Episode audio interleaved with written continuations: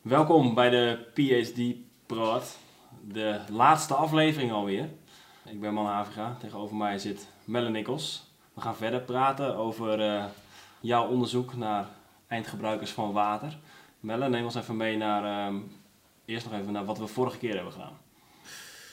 Ja, dit is inderdaad al uh, het laatste hoofdstuk. Uh, en in de vorige hoofdstukken ging het over nou, boeren, Tasmaanse boeren, die, um, waarbij ik workshops heb georganiseerd en soort gesprekken heb gefaciliteerd. En dat ging over de waarde van water en hoe dat over de tijd is veranderd. En in dit laatste hoofdstuk heeft een iets andere ja, perspectief. Namelijk de vorige keren ging het over hoe boeren het watersysteem kunnen veranderen, of de invloed van boeren op het watersysteem. En nu kijken we eigenlijk ook naar, nu verander ik, is dat andersom en kijk ik naar wat voor invloeden heeft een verandering van het watersysteem op boeren. En dat is dus een, andere, ja, dat is een ander perspectief. Oké, en uh, waarom ben je hiermee ook, uh, waarom heb je ook deze kant bekeken? Nou, in de vorige hoofdstukken vertelde die, de agrariërs die in, in, in de workshops dat op het moment dat zij water kregen op hun bedrijf, en dan moet ik misschien een klein beetje de context schetsen. Mm um, het is in Tasmanië zo dat er een lange termijn doel is van agrarische productie. En die, dat, dat, dat doel is, uh, komt vanuit de Tasmaanse overheid. Dat ze uh, significant meer uh, waarde willen genereren in de agrarische sector. Mm -hmm. En wat is daarvoor nodig? Water. Mm -hmm. Dus ze willen, ze willen eigenlijk van extensief, voornamelijk schapen, mm -hmm. naar veel intensievere vorm van landbouw die meer waarde opleveren, meer banen, uh, beter is voor toerisme uh, en zo een rurale economie stimuleren. Ja. En wat ze op dit moment doen, is dat ze dus op, in, in, op plekken waar het nu uh, geen water is, waar het droog is, waar er alleen maar schapenboeren zijn, kloppen ze op deuren en zeggen ze, willen jullie water kopen? En met dat water kun jij veranderen van schapenboer naar ja, intensievere wijn, uh, fruit. Um, en wat ik in die workshops vond, is dat degene die daadwerkelijk investering hadden gedaan, die zeggen ja, eigenlijk weet ik nu wat ik heel graag vijf jaar of tien jaar geleden, op het moment dat ik die investering deed, had willen weten. Dus ik heb nu een soort kennis opgedaan. Ik heb nu mijn perspectieven zijn heel erg veranderd ik kijk nu heel anders naar de waarde van water en wat water kan doen, omdat ik dus dat hele proces ben doorgegaan en die verandering. Mhm. En met, ja, met de verandering in het watersysteem geven die boeren aan dat ze zelf ook heel erg zijn veranderd. En ja, vanuit, vanuit dat perspectief uh, dat is heel interessant. Mhm. Want in het aanleggen van deze watersystemen, die hebben dus als doel een soort sociale verandering. Maar de focus van de mensen die dat, ding, die, dat, die systemen aanleggen, dat zijn een soort ingenieurs. Ja. Die kijken naar wat is het technisch mogelijk, mm hoeveel kost het. Maar al die sociale dingen die daarbij komen, ondanks dat dat dus de uitkomst is, daarvan zeggen ze ja, daar gaan we niet over. Mm dat, is, dat is iets, ja, dat, uh, dat is buiten ons uh, bereik. Maar ik denk dat die veranderingen eigenlijk zo groot zijn dat je, dat je die mee zou moeten nemen. Ook omdat het uh, eigenlijk niet te voorspellen is. Die, die boeren zelf zeggen, nou, ik doe dus nu dingen met het water. En ik heb dus nu een soort mening of een perspectief. Of ik ben bereid dingen te betalen voor de... Uh, ja, ik ben bereid te betalen voor het water. Wat ik absoluut... Ja, als je dat mij vijf jaar geleden had verteld, dan had ik je voor gek verklaard. Mm -hmm. En ook voor beleidsmakers is het dus zo dat, dat er nu dingen veranderen die ze niet aan hebben zien komen. En waar ze denken van wow, als de veranderingen zo groot zijn, dat is eigenlijk, voldoet het systeem al niet meer na tien jaar. En het lange termijn doel wat ze hebben is 2050. Dus, dus, dus je ziet dat ze uh, verandering in het watersysteem ja, faciliteren. Of er, leggen, is, is, er is een verandering in het watersysteem, wat, wat bewuste verandering. mm, En dat leggen ze aan voor een lange termijn doel. Maar binnen tien jaar voldoet het eigenlijk al niet meer. Mhm. En dat is natuurlijk zonde. Ja. En, en dus hier, in dit hoofdstuk kijk ik naar oplossingen daarvoor. Dus hoe voorkom je dat je spijt krijgt van een bepaalde investering? Hoe voorkom je dat een investering die je hebt gedaan eigenlijk uiteindelijk je meer tegenhoudt dan vooruit helpt richting het lange termijn doel wat je hebt? En ho- hoe kun je voorkomen dat je ergens spijt van krijgt? Nou, in, in, in, in Nederland, in een soort Nederlands waterbeheer, zijn we heel erg veel bezig in het, in het Delta-programma met lange termijn. En bijvoorbeeld met onze kustbescherming eh, zeggen we van nou, we weten dat er veranderingen gaan plaatsvinden in het klimaat. Wat voor veranderingen weten we nog niet. Eh, we gaan ervan uit dat er ook technologische ontwikkelingen zijn, die, kun je, die weten we natuurlijk ook nog niet. En wat, wat, wat wij als maatschappij ontwikkelen, hoe we dat, dat, waar we willen gaan wonen en hoe dat allemaal zit, dat, dat, dat, dat weten we allemaal niet.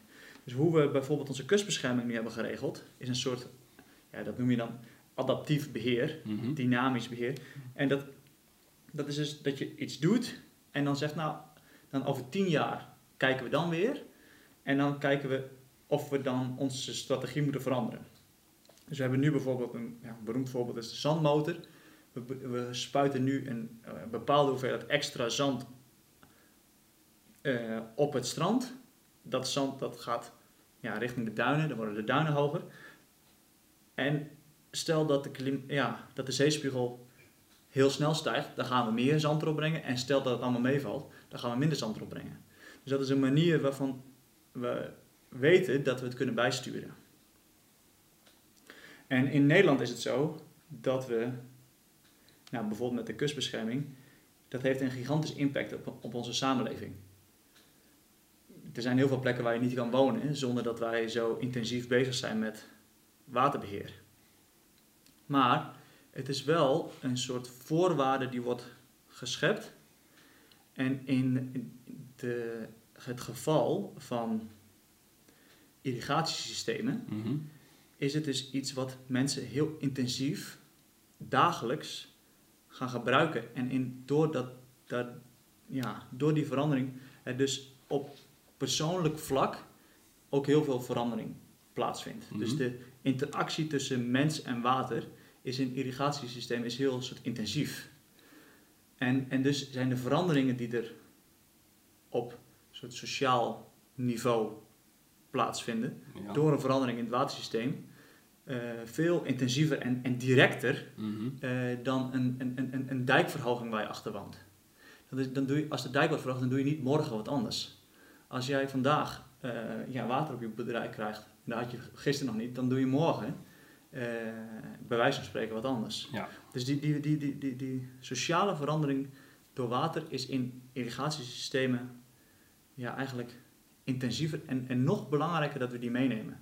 Dus in Nederland kijken we in de lange termijn, toch, we kijken wel naar maatschappelijke verandering, maar toch voornamelijk naar een soort klimaatsverandering. Ja.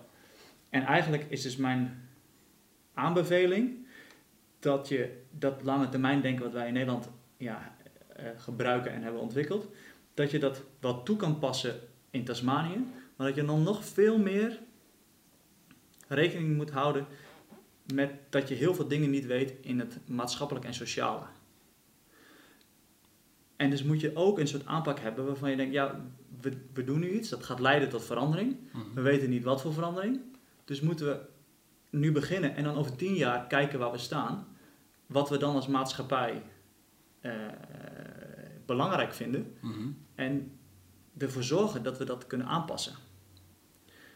En dat is natuurlijk, ja, makkelijker gezegd dan gedaan. Ja, want dat is precies wat ik zit te denken van, dat klinkt inderdaad heel ab- ja, bijna abstract of zo.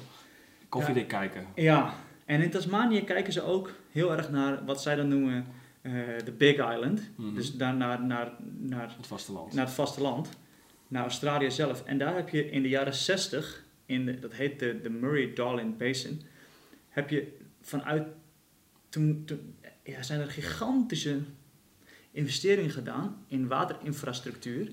eigenlijk een, beetje vergelijken met wat ze nu in Tasmanië aan het doen zijn. Mhm. Om een soort rurale economie te ontwikkelen, Mhm. hebben zij daar nou, en infrastructuur aangelegd. En er zijn de water, dus, dus in Australië hebben ze waterrechten. Er zijn waterrechten gegeven en, en verkocht aan, aan boeren. Omdat, het, omdat zij toen als maatschappij in, in, in, in, in, in, de, de, ja, in het opbouwen van hun land eh, heel erg dachten in, in, in rurale banen. Eh, en daar is- daarin ja, heel erg gekeken naar de agrarische sector.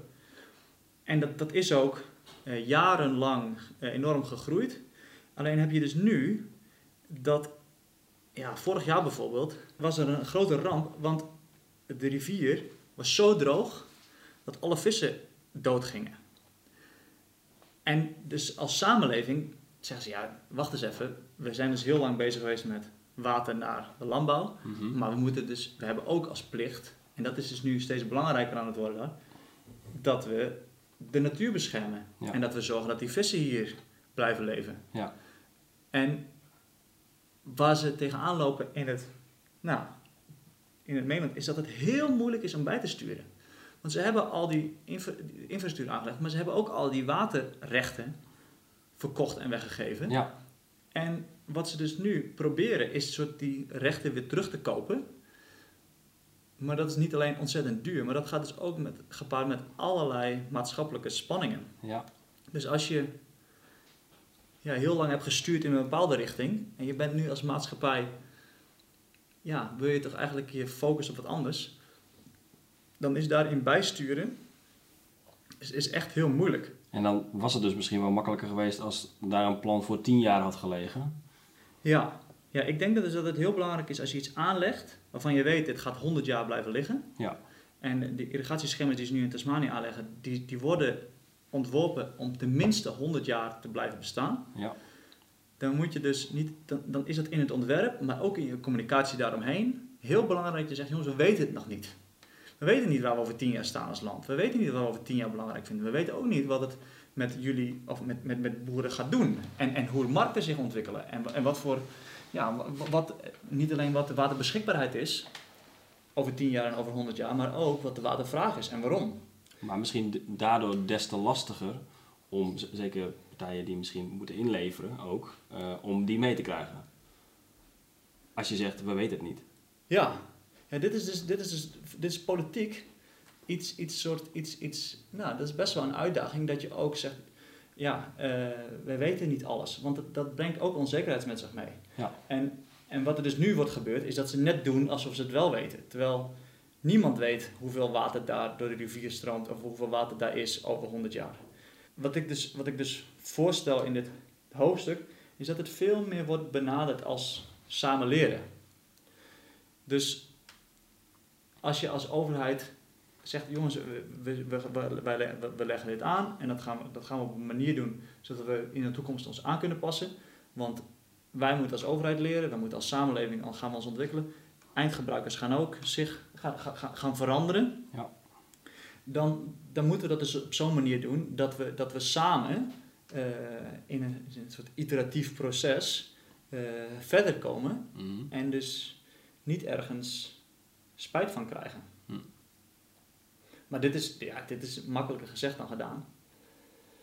Maar één, en een voorbeeld wat ik heb in, in het hoofdstuk, is dat je dit kan doen door middel van eh, soort tijdelijke waterrechten. Dus wat ze nu doen, is ze, nou, in 2016 verkopen ze aan de boeren die er dan zitten de waterrechten. Dus als in 2018 aankomt als boer, zijn de waterrechten op. Ja. En die, die waterrechten hou je voor 100 jaar. Ja. En nou, een, een, een, voorbeeld wat ik noem is in de radiowereld heb je FM. En dat is natuurlijk een soort beperkte aantal eh bandbreedte. Ja. Eh, van 88 tot 106, wat is het? Mhm. En dat ze, dat is, volgens mij is elke vijf jaar dat je als radiostation weer je licentie verliest. Ja. Dus je koopt een, een, een recht om op een bepaalde eh, frequentie eh, uit te zenden. Eh, en na vijf jaar is het weer eh, ja, opnieuw. En moet je dus opnieuw bieden voor je plekje. En dus heb je als overheid elke vijf of zes jaar weer invloed over hoe je dat doet. En dat kan je met water kan je dat natuurlijk ook doen. Dus dat je niet elke vijf jaar denkt, want je moet, eh, er komen gigantische investeringen bij dat water. Maar je zou wel kunnen zeggen, elke 30 jaar. En dat je na 30 jaar weer zegt, nou, we verkopen, het, we verkopen het water voor 30 jaar, mag je 30 jaar gebruiken. Ja. En na 30 jaar eh, nou, is er een moment dat we ons gaan soort bezinnen, kijken hoe de situatie er dan voor staat. En misschien geven we dan wel minder waterrechten uit, omdat nou, bijvoorbeeld met klimaatverandering er ook minder water beschikbaar is. Ja. Of dat je zegt, nou, na 30 jaar kunnen dus ook nieuwkomers eh, mee gaan doen. En je kunt dus als, ja, als overheid een, een, een markt stimuleren en sturen, eh, waarbij je, eh, ja, de kans kleiner is dat je, dat, je, dat, dat je spijt hebt van wat je in 2016 hebt gedaan. ja. Hier gekomen, zou je dan nog even kunnen samenvatten wat je nu eh, hebt verteld hierover? Nou, samenvattend zou ik zeggen, is dat als je infrastructuur, waterinfrastructuur aanlegt en dat gaat beheren, dan doe je dat voor zo'n lange termijn dat je eigenlijk niet weet eh, hoe onze samenleving er over 100 jaar uit gaat zien, terwijl je wel iets aanlegt wat zo lang blijft bestaan. En dan moet je dus op een manier doen waar je, waardoor de kans klein is dat je het later spijt van krijgt. En dat doe je door dat te benaderen op een ja, adaptieve manier. En dat zit dus niet alleen maar in de infrastructuur, maar dat zit ook om de structuur, de, het beleid daaromheen. En het, het, het, punt wat ik maak in dit hoofdstuk is dat, dat, dat samen leren, social learning, hierin ontzettend belangrijk is. En dat het dus ook belangrijk is dat, dat, dat je onderkent dat je dingen nog niet weet. En dat daarom eh, we dus met z'n allen samen moeten leren. eh, zodat we ja, niet ergens spijt van krijgen later. Melle, we hebben je nu eh, vijf afleveringen, podcast, PhD-praat gehoord over jouw onderzoek. Ehm, hoe nu verder? Wat gaat er nu gebeuren? Ja, dit is het laatste inhoudelijke hoofdstuk van mijn thesis. Ehm, en wat hier dus nog achteraan komt, is een, is een synthese. En eigenlijk is de synthese een soort samenvoeging van wat hebben alle hoofdstukken met elkaar te maken. Mhm. En eh, dan wordt dit hele eh, vijfjarige traject afgesloten op 20 mei. Want dan moet ik eh, nou, eh, al deze hoofdstukken eh, verdedigen. En mocht je dit dus luisteren voor 20 mei, dan eh, ben je echt van harte uitgenodigd. Ehm, ja, ik heb, kijk er een beetje tegenop, maar ik heb er voornamelijk veel zin in. En dan ja, ga ik ervan uit dat het na 20 mei gaat ja, het boek dicht. Mhm. Dan is het voorbij. Hey, en wat betreft jouzelf, wat eh, ga jij doen? Ja, eh, ik ben de afgelopen vijf jaar natuurlijk hiermee bezig geweest. Maar in de, in de afgelopen vijf jaar zijn er ook nou, in de Nederlandse agrarische sector enorme ja, veranderingen begonnen. Eh, en ik heb gekeken naar hoe agrariërs kunnen bijdragen aan regionale wateropgaves. Maar we zijn in de afgelopen jaren natuurlijk, nou, hebben een, een, een, een, nieuw, een, een, een nieuwe richting ingezet, de kringlooplandbouw. En we zijn, we, volgens mij gaan we steeds meer kijken naar hoe agrariërs kunnen bijdragen aan ook andere maatschappelijke opgaves.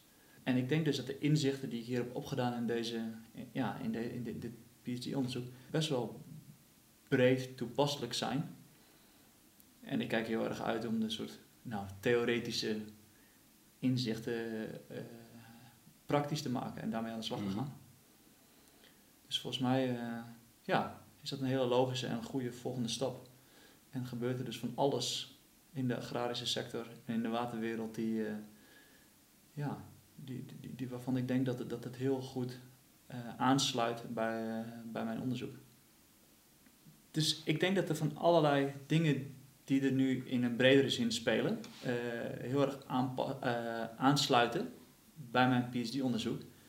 Want in de zoektocht naar wat kringlooplandbouw is en hoe we dat vormgeven, is eh, samen leren, social learning, volgens mij ook mega belangrijk. En eh, dialoog tussen boeren onderling en boeren en beleidsmakers, Hmm. dat is in het waterdomein waar ik in zat nou, gebleken dat het relevant is. Mhm. En ik denk ook dat dat in, in, in andere toepassingen rondom landbouw heel veel kan bijdragen in, in, in, de, in de transitie. Ehm, dankjewel. Ja, dankjewel man. Ik vond het leuk eh, om deze podcast te maken. ik vond het ook heel erg leuk. Het is... eh, En ook volgens mij een mooie manier om eh, nou, jouw onderzoek op, op deze manier ook te presenteren. Ja, dus mocht je nou, feedback, opmerkingen, eh, mocht je dit hoofdstuk eh, in, eh, nou, in, in, in, in het journal, het is inmiddels gepubliceerd, dus als je die wil hebben, dan kan ik hem ook sturen. Ja. En dan moet je dus even, nou volgens mij kan dat het makkelijkst door een mailtje te sturen. En volgens mij heb ik de vorige keer ook mijn Equator e-mailadres opgegeven. Zeg hem nog even, dat is altijd goed. Dat is eh mnichols, aan elkaar, at equator.nl. En dan stuur ik je het hoofdstuk toe.